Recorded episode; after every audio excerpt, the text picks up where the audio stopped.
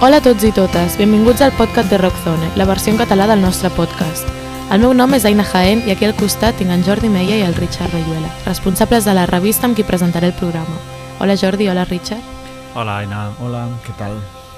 Al podcast de Rockzone volem conèixer de primera mà les experiències dels artistes de casa nostra en les seves gires internacionals. Els nostres convidats d'avui són Juno, el grup de pop electrònic format per la cantant andalusa Zahara i el manresà Martí Perarnau IV. Comencem.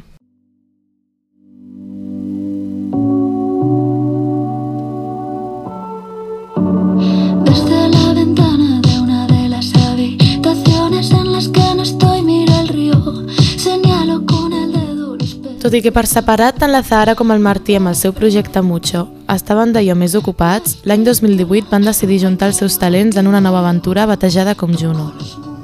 Apartant-se dels estils que havien fet fins llavors, més propers a l'indie, amb Juno, la parella va experimentar amb sintetitzadors i caixes de ritmes, barrejant pop i electrònica amb unes lletres profundes i emocionals. El seu primer disc, BCN 626, va sortir l'any 2020 i va ser rebut molt positivament pel públic i la crítica. Tot i que la pandèmia va impedir que el promocionessin tal com volien. Ara arriba el segon disc, BCN 747, inspirat precisament en els viatges que van fer fora mentre Espanya encara estava confinada. Segur que les seves noves cançons els tornaran a portar molt lluny.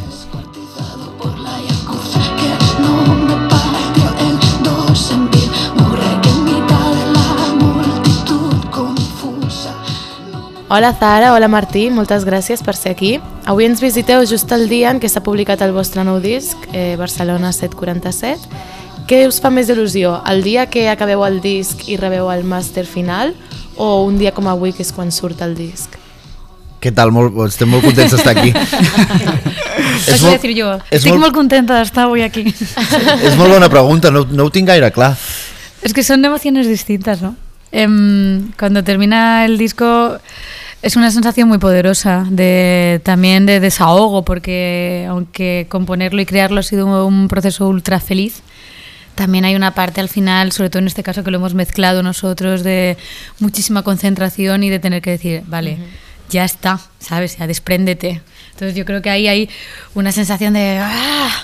Pasó. Sí, ja jo, està. jo sóc més Que feliç. és més eufòrica. Jo sóc més feliç avui el dia que surt el disc. El dia que arriba el màster tinc la sensació que mai puc gaudir perquè sempre és mai és l'últim màster i, i, i sempre hi ha una revisió i sempre és, és un procés absolutament horrible. O sigui que avui sóc molt Sempre més es feliç. pot canviar alguna cosa, no? Sempre es Rotllo, pot canviar alguna cosa, ja sí. no es pot canviar res. Sí. Yo le digo que somos afortunados en la música porque es el única, la única expresión artística que si no te, ha quedado, no te has quedado contento con el disco, pues luego tienes los directos.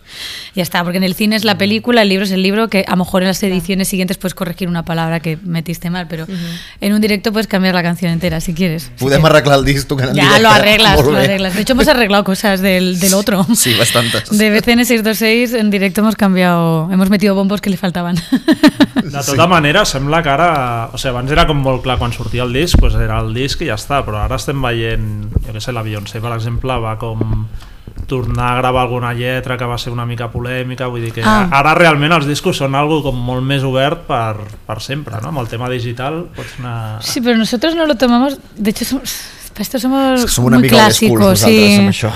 sí. Nos gusta el disco y es el disco y ya está. Y si la has liado, la has liado en él. También a mí entiendo lo que pasó con Beyoncé, pero hasta qué punto, no en caso de, de Beyoncé en concreto, dejas una cosa que también un momento y la liaste, pues también es reflejo de eso. Entiendo que si no te has dado cuenta y quieres arreglarlo porque no estás de acuerdo con lo que dijiste, me parece guay también que se puede hacer.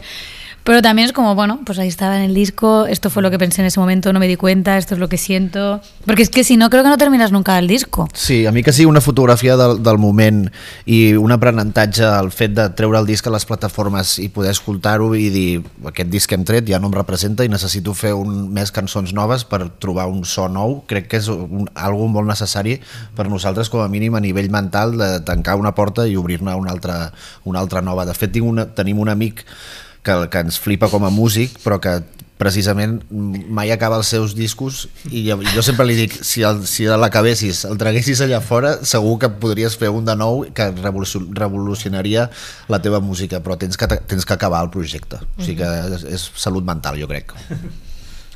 Molt bé, després entrarem una mica més en el nou disc, però volíem parlar una mica de... Teniu els dos la vostra carrera per separat i ens agradaria saber com us vau conèixer i quant temps va passar fins que veu decidir fer música junts. És que jo no ho recordo exactament, Vale, vale, que tu ets de la bona memòria. sigui, recordo que ens vam conèixer perquè ella ens va... Jo tenia un grup que es deia Mucho i ella ens va trucar per ser la seva banda de la, de la Zahara per la gira del Deshielo. Mm. Sí. Això sí que me'n recordo. Es la gira ju- justo antes de Santa, entonces esto era 2014. Y, y claro, yo iba, venía de haber tenido, bueno, haber tocado con músicos, cuando de hecho vivía en Barcelona.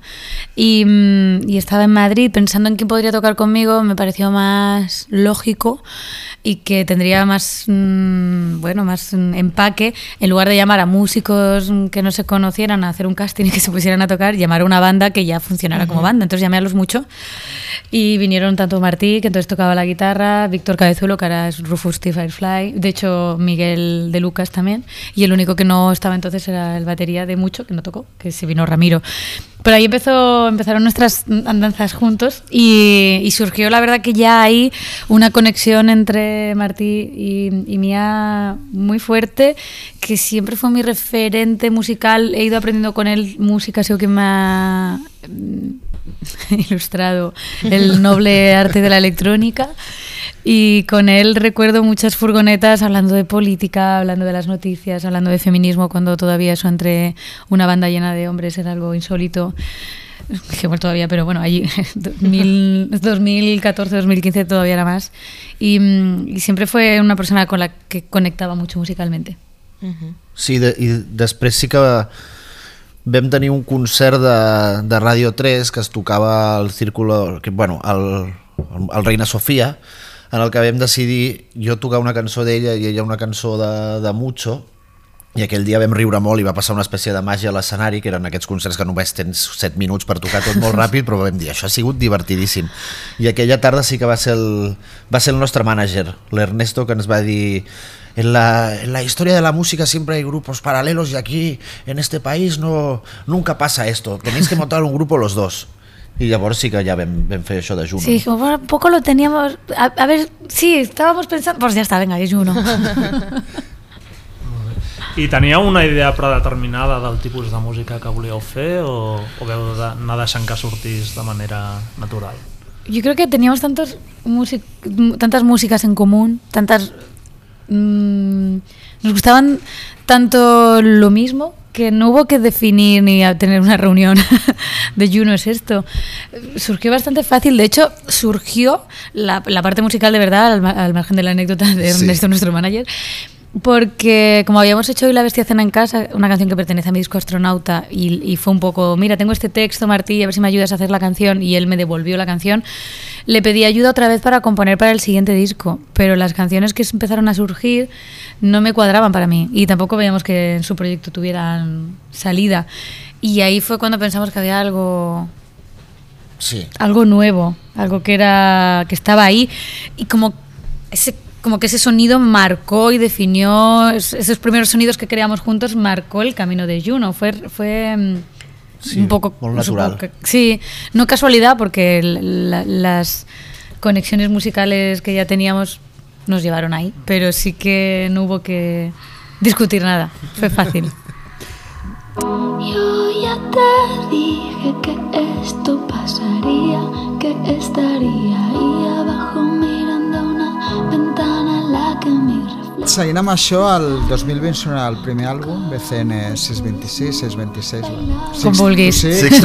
six. Es, es pot adaptar a qualsevol idioma, el qual ja probablement diu molt de, de l'esperit del disc, no? De fet, l'àlbum va sortir una mica sense singles d'avançament, sense explicar què era Juno... Sí. Sí. Eh, el motiu era perquè no volíeu que n'hi hagués prejudicis d'on veníeu, que es fes la gent tal, per, per un tema de, bueno, de, de filosofia de la banda. Quin va ser el motiu real de tot això? Mira, al principio, si es que está pensando Martín, intentando recordarlo. ¿Fue vuestro digo, manager, Ernesto? No, no, manager, no. manager no, no, no puede hacer tantas... Cuando empezamos, meterse a, tanto. cuando empezamos a crear las canciones, nos dimos cuenta de que estábamos creando Juno, pero no queríamos eh, decir, hemos montado un grupo y tener una canción y media, sino dijimos, bueno, no vamos a decir nada, este proyecto lo llevamos en secreto, hasta que de verdad haya un disco, porque si es solo un calentón musical de dos canciones y aquí acaba la cosa. Sí, os- vamos a, a- a tenerlo terminado. Y llegó un momento en el que estaba tan avanzado y ya no habíamos dicho nada ni a nuestras parejas, ni a nuestro entorno. La banda viajábamos y aprovechábamos las siestas de la gente para hacer música. Ya se convirtió en un secreto tan grande que dijimos, bueno, esto lo llevamos a muerte. Y nos pareció, de hecho, más divertido jugar a lanzar el proyecto Juno ya con el disco, con un vídeo y que fuera, en plan, no conoces nada de Juno, pero Juno está trabajando en la sombra y lo tiene todo hecho. Y, y ahí ya nos ayudó Sonia, Sonia Martínez, que es una amiga mía que curra en marketing, bueno, en Nike. Y, y ahora de hecho curra en mi, en, en mi sello. Lo de les vendre sabatilles, saben, saben. Sí, sabía vender zapatillas. y, y le dije, tío, tenemos esta idea tan loca. Y dijo, no es nada loco, está geni- genial, tenéis que hacer un takeover. Y dije, empezó a usar mogollón de palabras en inglés. Le dije que sea todo porque no entendía nada. Y, y- y nos echó una mano y al final funcionó muy guay porque la gente llegó al proyecto con curiosidad, se generó muchas expectativas, bueno, sí, expectativas dentro de que... de- Misteris, del- no? Sí, un misteri, sí. sí. I, I algú com heu dit, o, o sigui, ho va mantenir en secret a tothom? Algú es va com enfadar, dir, hòsties, que feu això i no m'he enterat de res. No. Des de les parelles, al del No, grup, no. de dir, No, no, "Hòstia, aquests dos acabamos estaven de diciendo". gira. No, ja, ja, ho hem, aquí... ja ho hem explicat. El que sí va ser molt divertit és que jo, jo bueno, amb, amb els amics músics a Madrid, doncs, fent birres i tal, jo vaig estar present a converses, a converses que, que, que es preguntaven qui eren el Juno eh, aquests, en en plan, ¿quién deben ser estos Juno? ¿La- ¿Habéis visto el Twitter? No sé què. Jo, jo, bueno, jo m'estava fent el boig i va ser bastant Y divertit. veían los de- carteles por la calle Veia- de los veia els muñecos. cartells del, dels, sí, dels ninots sí, claro. de Juno i jo tenia que fer d'actor, que sóc bastant dolent i va ser, va, ser molt, va ser molt divertit això de veure els companys bueno, parlar, parlant de, de quin era aquest grup misteriós i saber, saber que era jo Molt bé. Ara que ja heu arribat a un punt que esteu pel segon disc, eh, us seguiu veient com algo potser puntual o realment és un projecte que voleu que vagi en paral·lel a les vostres carreres individuals? de fet l'alt- o sigui, l'altre dia vam vam fer el vam treure la canció que no vas a hacer hoy el dimarts passat i vam anar a sopar a fer una, una copa de vi per celebrar-ho i la Zahara ja em va dir bueno, ¿y cómo será el tercer disco de Mucho? Ai, de, de Mucho, de Juno ¿Qué- qué- qué- qué lío Està pensando en otra, eh? Mientras està amb tu, Es otro proyecto, Rollo, proyecto. no ets la més important, Proyecto eh? muerto, no pasa nada. O sigui Yo lo que dejo, que piensen lo que quieran. Tenim clar que, que, que en farem més perquè, perquè és un lloc de, de molta llibertat i de molt divertiment això que estem fent, la veritat. Sí, y para mí mm, ah, ya individualmente es un desahogo total porque al final en mi música siempre, bueno, es, es mucho más autobiográfica, mm, literal de mi vida, más estoy yo sola, aunque trabajemos juntos, todo nace de mí, soy la directora de todo, tengo el foco sobre mí puesto todo el rato y es un, es un placer liberarme de, de esa presión, compartirla, jugar y hacer música de otra manera me resulta súper estimulante y aprendo tanto en Juno que luego siento que vuelvo a mi proyecto eh, sabiendo mucho más, controlando mucho más y con ganas de hacer también otras cosas que se separen lo máximo posible de Juno. Entonces, en ese sentido me, me- me hace súper feliz tener esto y espero que siga... Bueno, tenemos un pacto. Sí, ¿Te, acuerdas? Porque No. con tu memoria sabía yo que, ¿cómo era? Sí, no? que tenemos que hacer música siempre. Ah, sí, eso sí, el pacto musical, Claro. sí. Ah, vale. Siempre haremos Ah, música. Madre mía.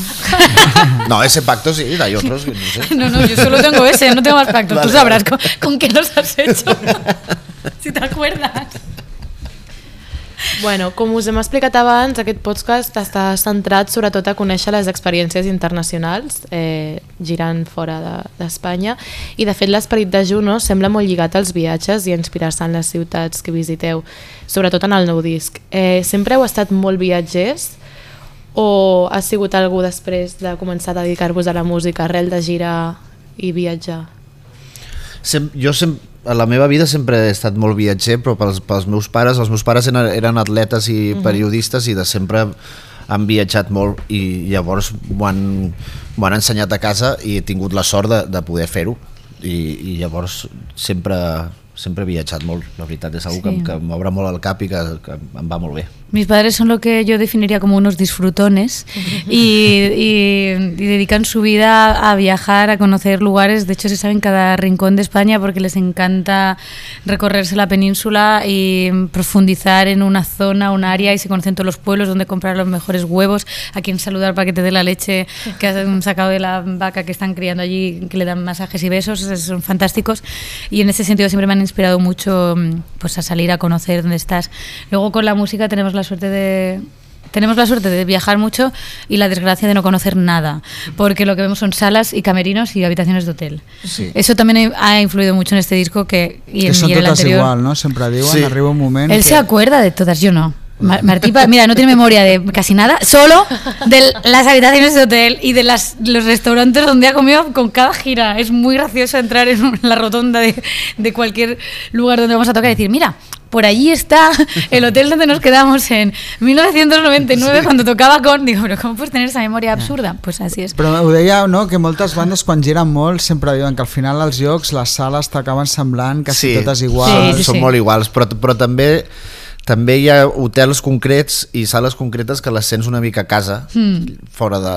Bueno, la teva casa a un altre país, i llavors això també en- ens agrada bastant. Aquest, o sigui, l'hotel aquest de, de, on ens vam quedar a Ciutat de Mèxic era, era bastant casa, després Sí. d'estar tot el dia a aquella la voràgine, voràgine de, la, de la Ciutat de Mèxic, que és una bogeria caòtica i a la vegada super increïble de, de l'amor, doncs tornaves a l'hotel i et senties una mica a casa, no?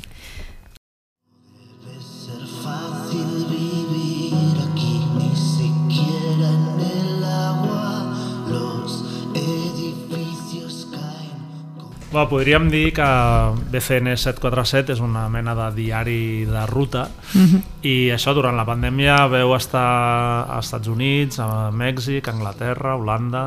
Com veu triar l'itinerari? Estava en funció una mica de com evolucionava els confinaments i tot això? O... Doncs un, una mica sí, l'itinerari primer el, el mexicà es va triar perquè la, la Zara tenia concerts a, a Mèxic i llavors vam aprofitar per, per anar a conèixer Los Angeles i, i San Francisco. De fet, abans de la pandèmia teníem un, un, un pla super increïble que era fer el segon disc de Juno a San Francisco. Teníem bitllets agafats i tot Mhm. però va arribar la pandèmia i se'ns va anar tot a Norris. I volíem anar a San Francisco un parell de setmanes llogar un, un estudi allà o diguem-ne una sala de gravació en alguna escola de música i fer el segon disc a San Francisco. Això se'n va anar a la merda però vam intentar, bueno, no, ja la idea no va ser gravar el disc a, a, a cada viatge, però sí doncs, tenir l'experiència de, de trobar-nos això.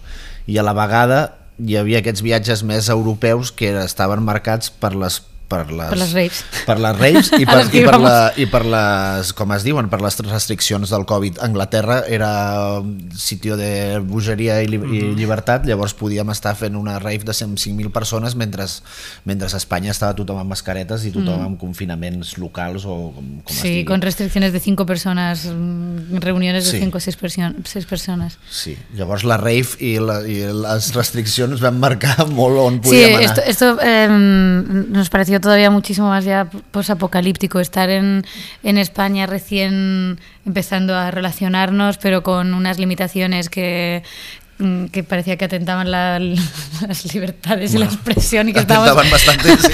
y que teníamos mucho miedo de que ya nos, pueden hacer con nosotros lo que quieran y de repente viajar a, a Londres y la primera vez que entrábamos en un restaurante poner, ponernos la mascarilla a ver que nadie la llevaba corté a 5.000 personas saltando, no pasa nada recibiendo el sudor de los demás sus expresiones Sí, mm, i es va convertir en una saliva- mica salivares tor tornada a la primera rave i només aterràvem a Madrid ja està mirant quin era, quin era la, la, següent. la propera que ens, el proper DJ que ens agradava o que, ja, que, que valia la pena anar eh, de viatge Sí. i ja vam fer, vam fer unes quantes de Sí. veritat U- Us va canviar molt la perspectiva del que era el Covid, el, el fet de viatjar i veure com bueno, que no passava res o sí? bastant, O... bastant ¿Hemos sido engañados? Hemos sido engañados. jo, jo vaig notar bastant. Primer, eh, ens va canviar molt la perspectiva el poder tocar, poder fer la primera gira de Juno aquí a Espanya, encara que hi havia moltes restriccions i tocàvem a les 6 de la tarda, teatres, la gent asseguda i tot això, però això ens va canviar bastant i vam, ens vam adonar que ho havíem trobat a faltar i que ens venia molt bé sortir de casa, anar a tocar i després sí que veure com altres països tenien més llibertats i, i, que, i que podien fer vida normal i que tot no era tan dramàtic com semblava o que no, no, ens, no vam morir després d'anar a la rave de 5.000 persones i, i no, no ens vam convertir en, en, bueno, Amb zombis. amb zombis van, va, anar, va anar molt bé i, i va, anar, va anar molt bé també el fet de tornar i, i de dir bueno, doncs potser això, aquestes restriccions que ens estan, que ens estan fotent potser són una mica de mescla de, de, de la qüestió sanitària però també potser els hi va una mica bé al sistema, jo que sé o potser a Anglaterra Sí, estaven bojos ja. saps? I, van, i, hi- és que no, no ho sabíem però bueno, en tot cas sí que va venir bé a nivell mental nostre de tenir una mica de llibertat El passa al final també es va convertir, bueno, com tot, una mica en una qüestió política i, Sí. i jo a vegades tenia certa contradicció perquè per una banda et, et podies sentir més a prop a, a, de lo que era la pandèmia i com s'estava tractant amb postures polítiques que no són la teva Sí. o que estan molt allunyades Sí, sí, no? aquí es van el començar. liberalisme, el no sé què, llavors o jo que sé, als Estats Units mateix pues el trumpisme, Florida, tots aquests tipus d'estats que era aquí no passa nada Sí. i no sé què però clar, tam, vull dir, portat a l'extrem també és una mica irresponsable Sí, no? sí, sí. crec no que sé, no se veu sabe- tenir aquest conflicte de Vam, dir... vam tenir-ho perquè en l'Anglaterra era quan el Boris Johnson estava fent les Clar. seves festes il·legals i tot això i nosaltres també estàvem anant a una rave i després tornàvem aquí i, i era com hòstia, ens ho hem passat molt bé però potser, potser també està malament això que hem fet no? sí, que sí, de les dues, de les Sí, dues sí. maneres vam patir Bueno, a ver, no, no había un antecedente, es decir, no había una hoja de ruta mundial que dijeran esto es lo mejor que se puede hacer. Pues mira, ya está, yo creo que se, se hizo, pues eso, pre- mezcla de la presión que había, también te dabas, te dabas cuenta de que, o creo que eso es algo también que hemos visto viajando mucho, de cómo aquí hemos respetado algunas normas hasta el final, incluso cuando nos, nos las han quitado, ¿no? Ahora ya vamos sin mascarilla, pero mucha gente sigue con ella. Y, y no sé quién me lo dijo, que había un complejo, no es, no es mía la opinión, pero la- la- me, me hizo pensar bastante, un complejo en el español de ser muy obediente. ¿No? De si me dicen que no salgo, no salgo y lo cumplo, y ahora, aunque me digan que me puedo quitar la mascarilla, yo sigo con ella porque quiero ser. eh, buen mm, español No español, Buen diría ciudadano, yo. Buen perdón. ciudadano, madre mía. Español, perdón. buen ciudadano español. de donde sea. Eh, hasta luego. Pero a mí, bueno, pero me pareció muy que, que tenía mucho que ver, porque sobre todo, no ahora que ya las han quitado en el AVE, pero que por Dios, menos mal. Eh, pero sí que las primeras veces que, la- que nos liberaron de ella había muchísima, muchísima gente que incluso le parecía mal, que pensás, pero, sí que- pero ¿cómo te puede parecer mal ya en el- al exterior, que ya se ha demostrado que al exterior está bien, que no pasa nada? Y me- es que no recuerdo quién me lo dijo, pero era alguien que, que me marcó mucho porque pensaba, es verdad que tenemos esa cosa de que queremos cumplir con, ¿no? Como Bueno, ser, ser obedientes. Quar- 40 anys de dictadura també han Por eso, que nos han hecho, que nos han dejado, claro. nos han dejado mella, igual que mi abuela se comía el pan duro. Pues, pues de alguna, por algún lado nos sale, aunque hayan pasado más generaciones. Al final, mm, veías Sí. tú que allí en, Londres decían que no hay mascarillas. Pues no hay mascarillas, una rave 5.000 personas a reír. Luego ya también se les apañarían, supongo, mm, con, con- con las consecuencias. Es que ya no las vimos, pero ya estábamos aquí. Nos hicimos nuestra PCR, para no, si acaso. no lo pillamos. Lo pillamos en Nochevieja, En Nochevieja. cinco personas. El límite que había Aquí y ahí aquí lo lo hemos cogimos. pillado mil veces allí nunca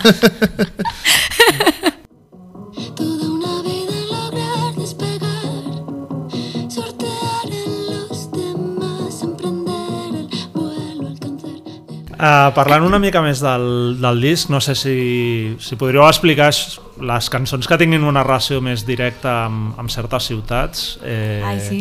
Lo- sí. No sé, si naixien estant allà o, o era un cop ja havíeu tornat una mica i ja, la, ja havíeu digerit les experiències que, que sortien les cançons? O sigui, sí que teníem la, la missió de, de, de fer una cançó per cada ciutat.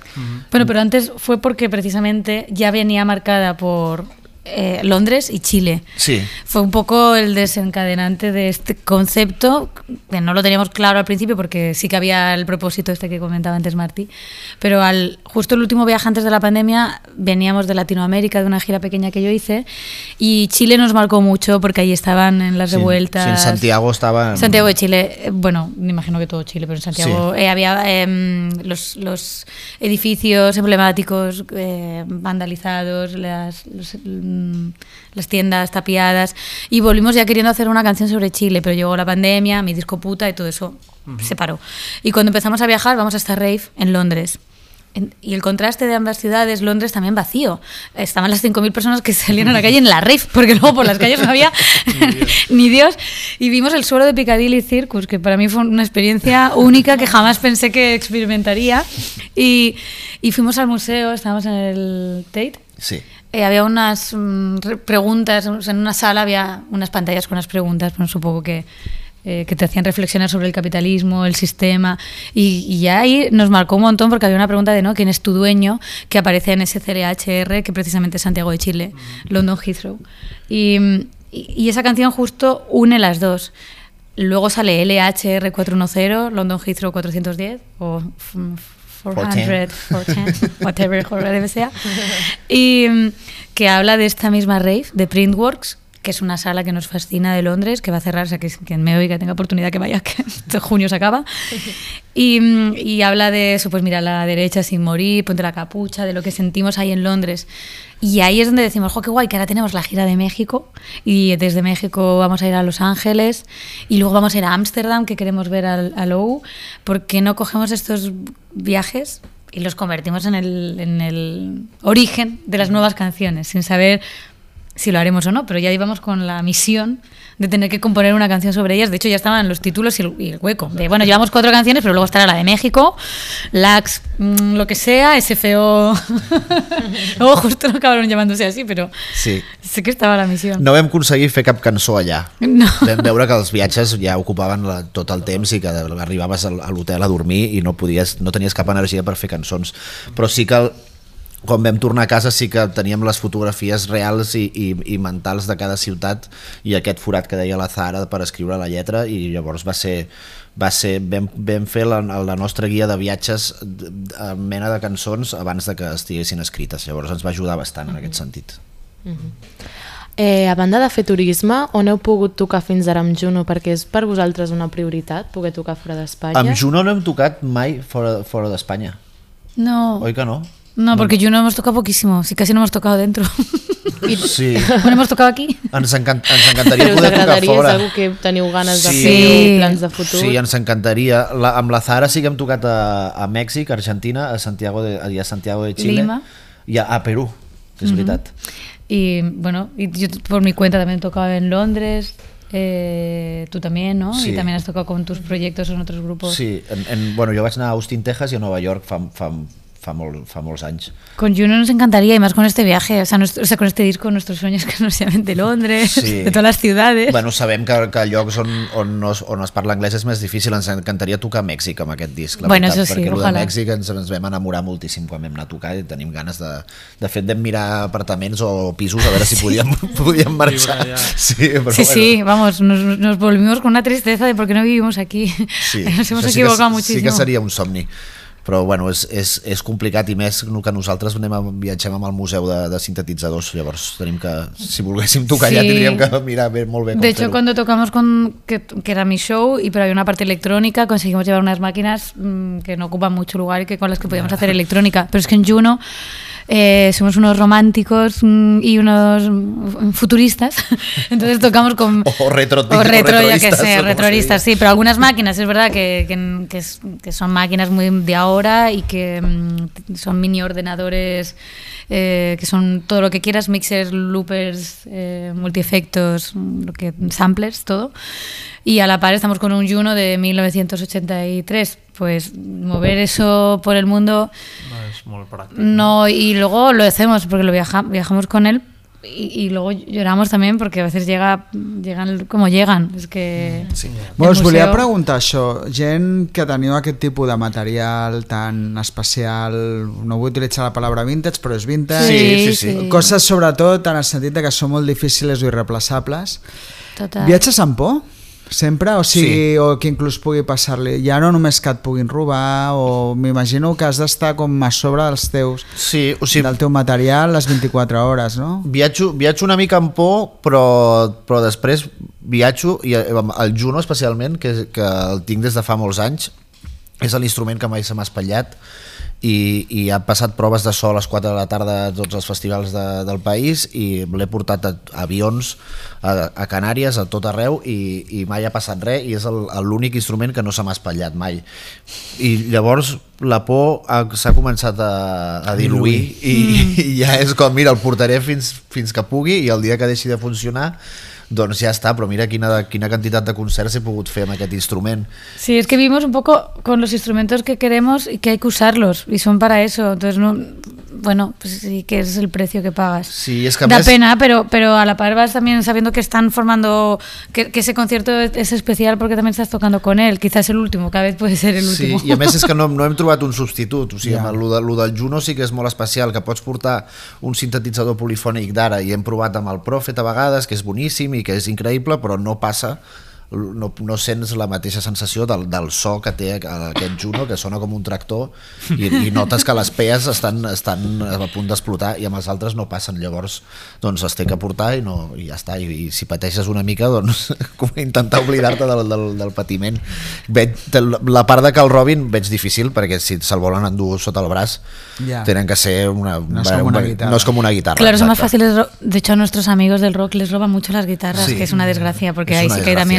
Reliquias. Y yo Sí. siempre pienso al final, solo el fly, que es lo que pesa, joder, tienes, tienes que robarlo entre dos. No, y bajo el brazo es dramático, yo lo he llevado y no, no puedes robarlo. Perdón. Hay que ser mala persona, muy, muy mala persona. Ay, y por Dios, muy- sí que no roben instrumentos. forzudo. Es que eso está, es horrible. No hay que robar, hay que robar, eso da igual. Pero no robéis instrumentos.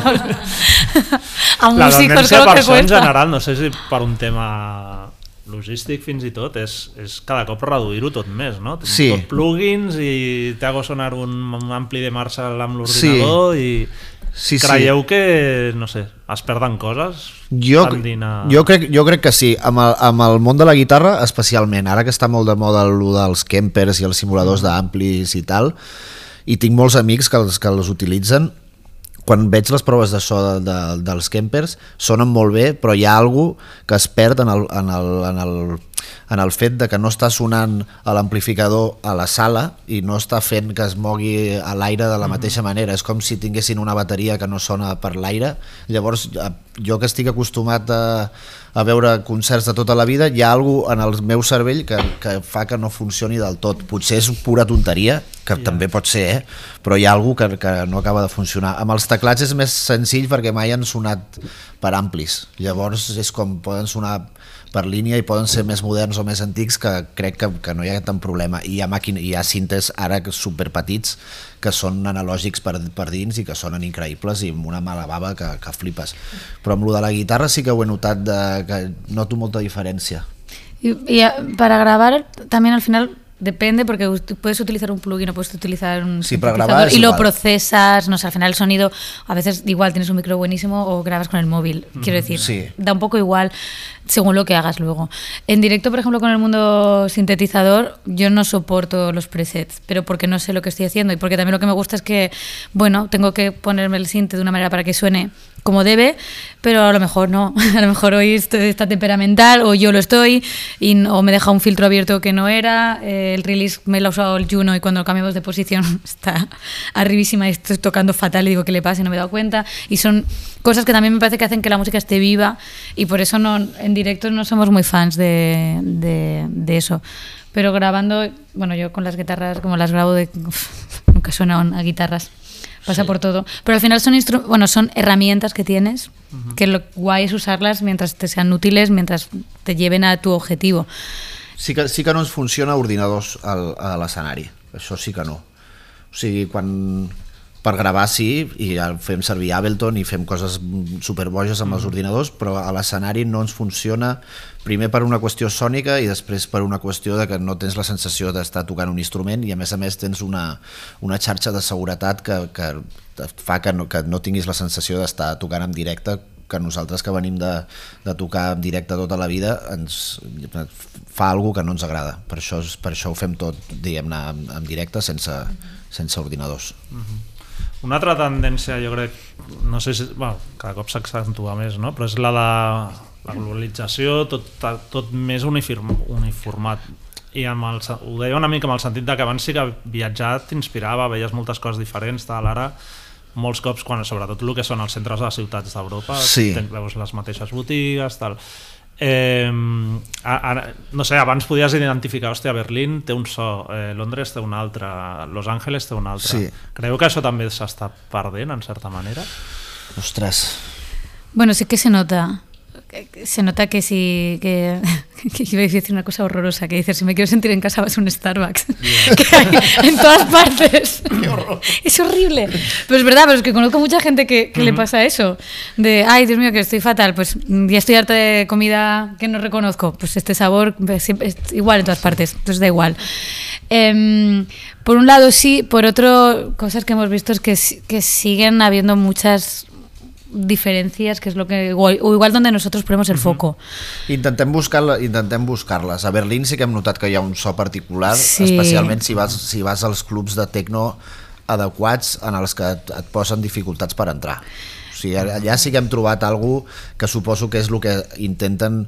Preservar. sí, és el que estan intentant preservar el, y que es único, es, es, es fantástico. Y también la, el modo de vida. De hecho, Berlín es una ciudad que nos apasiona y que estando dos veces ya sabes por qué. O sea, la primera vez te puede parecer una ciudad como Londres, y decir que guay, estoy aquí, y luego te das cuenta de que no, que no tienen nada que ver, que cómo funciona internamente y el valor que se le da a la música, bueno, música club o música Sí, de... però clar, però és un lloc en el que precisament les autoritats estan fent un esforç per, per, per preservar tot això i han, i han fet que les discoteques de tecno siguin bienes d'interès De la cultural i no sé què. Claro, Però claro, clar, és que això és utòpic, Això és utòpic, la- 99% de la Exacte. resta de ciutats, Jo crec que és inclús l'única- les pròpies alemanes. Exacte, sí, sí. Sí, Jo... crec que Berlín, és que jo penso Berlín, que parleu amb aquesta fascinació, jo, l'entenc perquè crec que és la ciutat més polaritzada probablement del món, o Sí. l'odies, o sigui, a mi no m'agrada gens. Clar, mira. Però n'hi ha gent que quan parla, parla amb la passió que esteu vosaltres Sí. transmetent, no? De, Sí, sí. de que té un, un, és una ciutat diferent. Sí, bueno, sí. estoy aprendiendo alemán porque mi sueño es irme allí. Imagínate. Mira la digo- Con esto, Claro. això ja és anar Claro. més lluny. Y luego lo mismo pasa en Estados Unidos, que, que aunque la conozcas, yo estaba, la, yo he estado en Londres, había estado, o sea, en Londres, en, en Nueva York, había estado también en San Francisco, pero Los Ángeles tiene una luz que, re- que dices, no sé un sonido, pero la luz desde luego, tiene una luz ah, mientras es, es de día que, es, que, es, que enamora muchísimo y que cuando se va te deja a oscuras a, a- a muchos niveles. Y, mm, y re- Altra ciutat eh, polaritzada, Los Ángeles. Sí, Ui, sí, Dios sí, mío, sí. molt molt Aquesta sí que m'aniria jo, eh? Sí. ¿Ves? Ahí yo Doncs solo mira, de día. Nosaltres just, sí, just, eh, Uy, nos vam- enamoramos vam durante tenir- seis horas. Llegamos a, a Lo- a Los Ángeles de, Dios mío, qué guay, no me puedo creer esta luz, mira todo, es fantástico, marihuana, qué guay, nos encanta. Y de noche, Walking Dead, que Sí, es donde sí. estamos, So- muchísimo miedo. Només pots anar co- conduint, no pots caminar, sí, sí. Però bueno, ho entenc també el que dius. O México es todo lo contrario. Había, de hecho, hablamos mucho de esto en el disco y en las conversaciones, aunque no esté todo tan plasmado, porque nos afectó mucho la visión de fuera de la gente, que la gente tiene sobre México, el miedo que tiene eh, sin ningún tipo de fundamento, pues simplemente muchas veces porque no han ni estado y es ya algo que se transmiten de es una ciudad peligrosa. Y cuando llegas allí lo que recibes es todo lo contrario y ese contraste también nos, nos marcó. Por eso yo creo que sí que hemos conseguido ver matices y diferencias en, en las ciudades a las que hemos ido y las ciudades nos han apasionado mucho y, y las odiamos con la misma intensidad. Sí. I portant-ho una mica a- aquí, diguéssim, eh, òbviament sempre hi ha la polaritat Barcelona-Madrid, eh, tu ets de Jaén, no? Sí. Però has viscut a Barcelona, has viscut a Madrid, tu ets de Manresa, però fa Sí. una pila d'anys que vius a Madrid. Com, com veieu les dues ciutats? Perquè de vegades sembla que, no sé, hi hagi, trobo jo, eh, com una distorsió que no es correspon a la realitat, sobretot a, a nivell de, de relacions humanes, podríem dir. Sí. Jo crec que hi ha molts madrilenys que tenen grans amics catalans i viceversa, i... però en canvi hi ha com una guerra entre comercial, política, tal, i de vegades s'envien missatges excessivament negatius. Sí, no? jo, crec, jo crec que la guerra és, és purament política i, i mediàtica i és absurda i a més crec que té molt, molt a veure en, amb els governants que, que tenim a Madrid que són veritablement dramàtics uh -huh. i, i no tenim res a fer. I, però, però al, al nivell humà jo no sento que, que passi res d'això. És més una cosa que ens venen. Nosaltres estem tot el dia entre Barna i Madrid. Uh -huh i tenim moltíssims amics de Barcelona i, i ells a Madrid i, i no, hi ha, no hi ha aquest tipus de, de, de, conflicte realment és una cosa no. de les xarxes i de, i de de la mandanga que ens, que ens estan venent. Sí. Després jo sí que he notat coses musicals en el sentit de que Madrid dona la sensació de que et diuen que està tota la indústria i com el moviment econòmic de la, de la part musical, però dels últims ja fa bastants anys que noto que a Catalunya hi ha un moviment musical molt, molt potent i d'intent- de, de trobar sons molt personals i molt particulars eh, que només es fan a Catalunya i que, va- i que a vegades sí que no arriben a, a Madrid. Mm. Llavors això sí que, sí que ho noto, que jo sóc molt, sóc molt fan del Colomo, per exemple, mm -hmm. que és, un, és una cosa que, que, que, no, que no ha arribat mai a Madrid i que per mi és un dels Bueno, millors Madrid es que es compositors. Madrid centrista, no sé cómo si Sí, sí, existe. Madrid es Madrid centrista. Es que parece que no existe nada fuera de Madrid. Y Sí. eso. mm, o te crees que todo está en Madrid. Sí. Pero rollo Rigoberta Bandini es de Madrid, ¿no? Está en Madrid. Però- Paula Ribó. Sí, sí. Con ese nombre, però curiosament, centro. però curiosament a de Madrid, Chueca. Madrid és un lloc que, que hi, ha molt, hi ha molta música, però hi ha pocs grups. Dóna la sensació que hi ha pocs grups que, que siguin de Madrid, perquè dius Granada, Ja. hi, està, hi ha un Ui, sí. moviment artístic granadino que sempre es va renovant. O, bueno, Catalunya en general, que és una bogeria, Euskal Herria, que també ja no para d'haver-hi música, o ara el, el moment gallec aquests de tots els artistes gallecs. Però, i a Madrid és com que tothom va a viure a Madrid, tots aquests artistes que volen dedicar-se a la música, però dona la sensació que no hi ha, no hi ha hagut un so concret des de que van tenir allò de la movida, que no paren de, de, de fer documentals, però que dona Pues la que, que, sensació que, de que... quedan madridleños en Madrid. ¿no? Clar, bueno, Eso te iba a això- aquesta decir. és la- yo estaba pensando, digo, pero ¿qué madrileño conozco yo? Pocs. Mi ex marido. Mira, pues uno, un gato. Mi hijo. las reglas de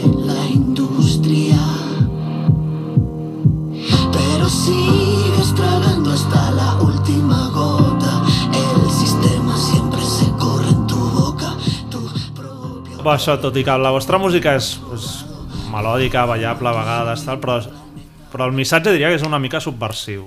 No sé si és com... Us sentiu una mica caballo de Troya, de vamos a usar el pop para Sí. joderlo todo. Sí, bueno, Claro, para destrozarlo todo. O sigui, això sí que és una que portem parlant mol, molts anys, que és, ens som molt fans del pop, però creiem que el pop té que tenir un missatge i té que dir coses, perquè, perquè que sigui pur entreteniment sempre és algo que se'ns queda molt buit. Llavors no sé si és que siguem subversius, però per nosaltres és una cosa molt important que, que les cançons diguin, diguin coses. Sí, aparte que nos sale, tampoco es que nos forcemos, Sí, ¿eh? que, sí, que esto es una cosa... Sale solo. Pero bueno, a mí me gustó mucho cuando, yo que vengo de la canción de autor, donde quizá pues, en 1997, cuando iba girando por ahí, sí que podía tener un mensaje más, bueno, contracultura y estaba encajado en el propio contexto en el que yo me movía. Para mí fue fundamental conocer a Martí y trabajar juntos en Hoy la Bestia Cena en Casa, porque había un texto muy político y, muy cañero que se podía bailar. Y, para mí eso sí que fue el verdadero caballo de Troya, decir que guay, vamos a colar este mensaje, vamos a hacer a la gente hacerse una pregunta mientras están bailando y quizás las tres primeras veces ni se dan cuenta. De hecho, es lo que pasaba. Y, mm, y no era el objetivo primero, pero sí que estaba ahí. Y cuando pasó, nos dimos cuenta de, de cómo negar el poder del pop es, es absurdo. Al revés, hay que subirse a él desde donde estamos, desde las letras que hacemos y nos salen y desde también luego los pasajes sonoros que inventamos. Mhm. A la nota de premsa posa que la creació del disc va estar inspirada en la sèrie documental Get Back sobre els Beatles. Primer de tot, sou molt fans dels Beatles Molt, Sí. molt, sí. i ens podeu parlar una mica de com us va influenciar?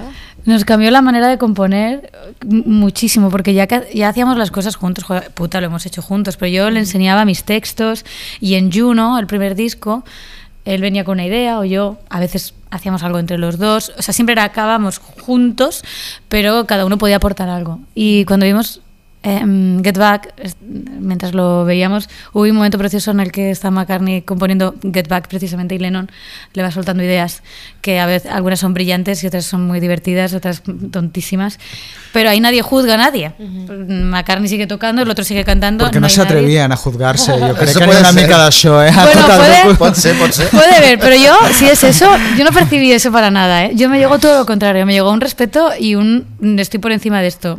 Que- quizás sea mi opi- opinión equivocada y la llevaré a muerta hasta que hasta, vamos, O, o o que eran amigos de la infancia y tienen esa confianza natural. Me da igual el motivo. Yo solo vi algo que a mí no me había pasado nunca, porque yo siempre llego con, con mi pudor. Y mi pudor no sirve para absolutamente nada. Y lo que vi ahí, que esa falta de pudor, fruto de lo que sea, era muy eh, favorecía completamente la canción y la creación artística. Y entonces mientras lo veíamos los dos, de manera radical, porque fue una cosa de verdad que nos, mm, nos, nos dio un ostión y dijimos, qué vergüenza ni qué vergüenza. Mm, Se venga. acabó la broma. Y entonces uno se ponía a cantar y desafinaba y el otro no se reía, o a veces era muy gracioso y reía, pero no, no, pero reíamos todos. Las letras eran redundantes y a lo mejor algunas frases feísimas y tampoco pasaba nada.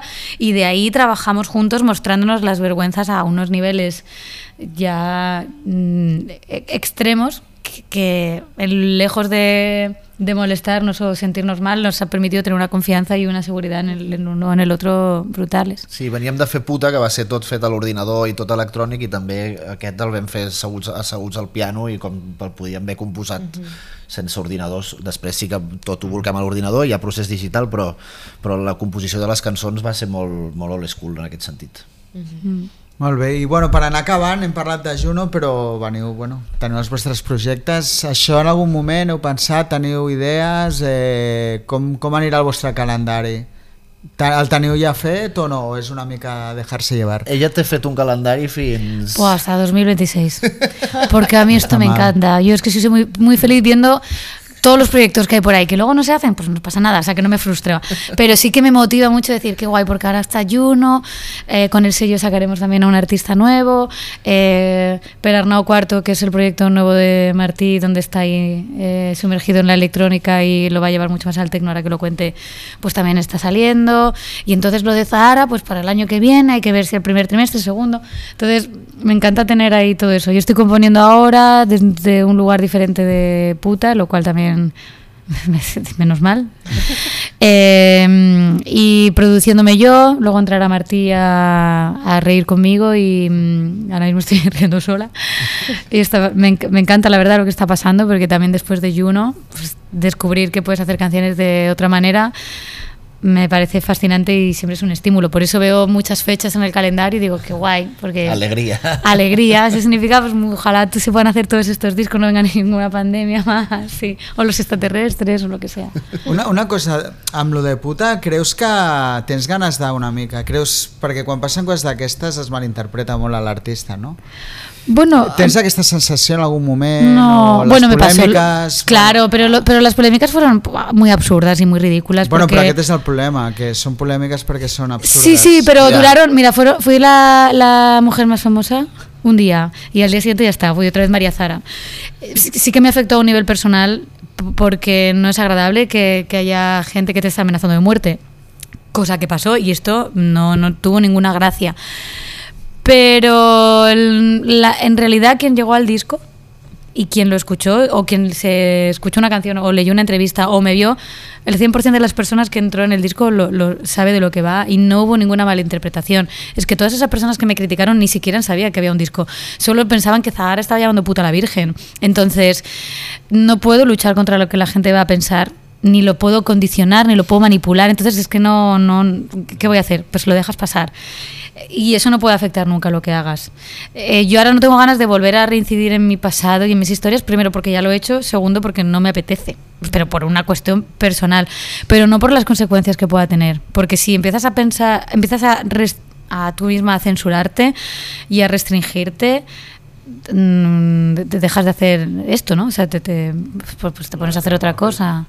Posar-ho molt fàcil a qui vol censurar, però... Claro, dan ganas, eh, dan ganas. Yo, por ejemplo, en los bolos, Martí lo sabe, me soltaba un discurso que me cagaba en, vamos, Ya. me cagaba en todo y, y dejé de hacerlo. También porque me lo grababan y luego no lo usaban mi público, lo usaban otras personas y dije, yo he creado aquí un espacio de seguridad, no tengo ganas de que me lo manipulen. Ahí sí que decidí dejar de hablarlo, pero las canciones, las canciones son de por sí un seguro, ellas solas, no pasa nada, son canciones, están ahí. La putada és, no sé, tal com ho veig jo en el món d'avui. Primer, que qualsevol pugui fer una interpretació una cosa així sense saber de què va la cosa, Mm. però la Sí. segona és que no puguis dir puta la Virgen. Ah, ja, no, no, no això és, això és O sigui, futuríssim. vull dir que al final, bueno, és que les dues coses... Pero, por- pero eso está bien hablarlo, por eso hay que seguir hablando Ya. de ello, aunque yo no haga las canciones. Pero hay que seguir hablándolo, porque la gente se ofendió, o una gente se ofendió porque parecía que estaba llamando puta a la Virgen, pero no se ofendió porque a mí me hayan llamado puta, teniendo 12 años. ni porque me hayan abusado de mí, me hayan violado me hayan maltratado. Eso no le ofende. Le ofende a unas personas a las que le ofende que pueda la Virgen ser llamada puta o no. Sí. Entonces eso sí que es indignante y de eso no tengo ningún problema en seguir diciéndolo y hasta el fin de mis días, vamos, porque es putamente absurdo. Y ahora hablemos de de cuarto. que no volíem anar aquí. Ostres. Parla tú.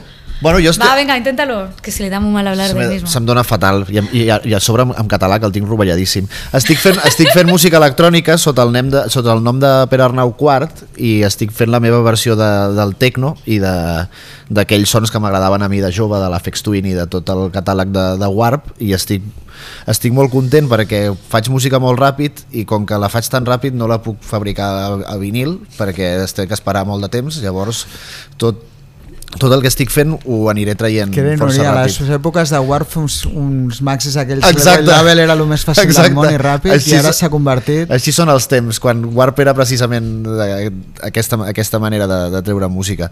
Llavors, el, el mes que ve trauré dos cançons, a l'abril trauré un, doncs ja que seran sis, Sí. així, i faré unes presentacions en directe i estic, estic fent, estic preparant un live set per fer, doncs, doncs en lloc de fer un concert a l'ús que sigui doncs, una espècie de jam electrònica llarga que es, pugui, que es pugui ballar i que puguis estar un parell d'hores fotent una bona festa o sigui que aniré traient molta música jo al contrari que ella sense calendaris diguem-ne que sen, sense calendari perquè no pararé Ets realment el quart Martí per Arnau? Sí, sí, sí. I és una tradició que tens intenció de seguir o no? no el meu pare Bueno, a lo té mejor tu hermana.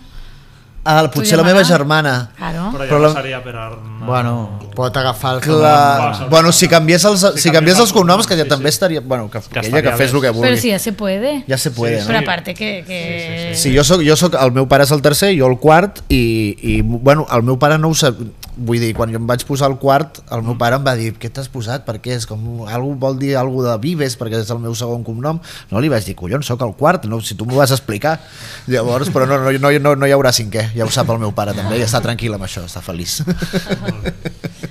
Bueno, doncs ja hem arribat al final. L'última pregunta que fem a tots els convidats és quin consell donaríeu a un músic que vulgui sortir a girar fora d'Espanya? Que no vaya. No, no, no, perdón. al contrari, que, que, que, que, a- quan abans... Que lo deje la música. quan abans millor i que s'agafi la, Claro. que s'agafi la maleta i que se'n vagi perquè també la, la nostra sensació és que és molt és molt complicat, però és molt fàcil girar a Espanya i sempre vas a les mateixes ciutats i vulguis o no, fas un disc i pots tornar a les ciutats uh -huh. i eh, no, no es mouran d'aquí, o sigui, Múrcia sempre estarà a Múrcia, llavors que quan abans pugui fer-ho, que se'n vagi a, a, a, a Berlín o a Los Angeles, ja la que li agradi, la que li agradi No? més i que, i que ho provi i que quan, quan més jove millor perquè, Sí. perquè si no Es que además está como... A veces pensamos, ya funciono aquí y ahora me expando. Y en realidad eso es un- una visión súper imperialista, Sí, sí. absurda. Es decir, hay otros lugares en el mundo y ¿por qué me tiene que ir? Primero, ¿por qué me tiene que ir tan bien como aquí? ¿Por qué no puedo hacerlo de otra forma? ¿Por qué, la, por qué tantos miedos cuando debería ser lo mismo? ¿no? Estoy haciendo música y me busco la vida, me voy, también lo utilizo como una experiencia vital. Yo tardé también mucho en viajar y, y de las mejores cosas que hice fue cuando acabé en Liverpool con, con la escuela de Lipa,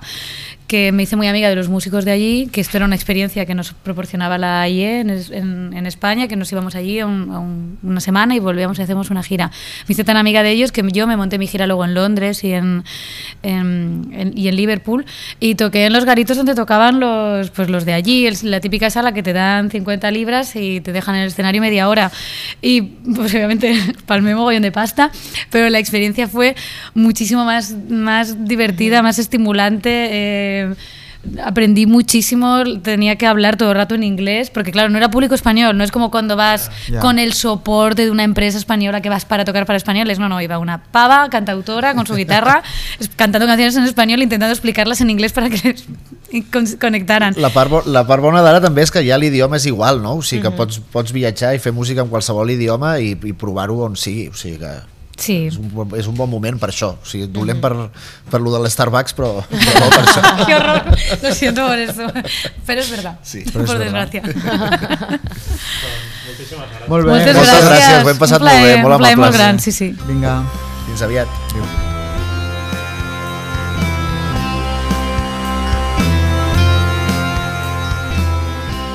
Us podeu subscriure al podcast a qualsevol plataforma on els escolteu habitualment, Spotify, Apple, iVoox, i també ens podeu seguir a la nostra pàgina web rockzonemac.com i les nostres xarxes, Facebook, Twitter o Instagram. A reveure!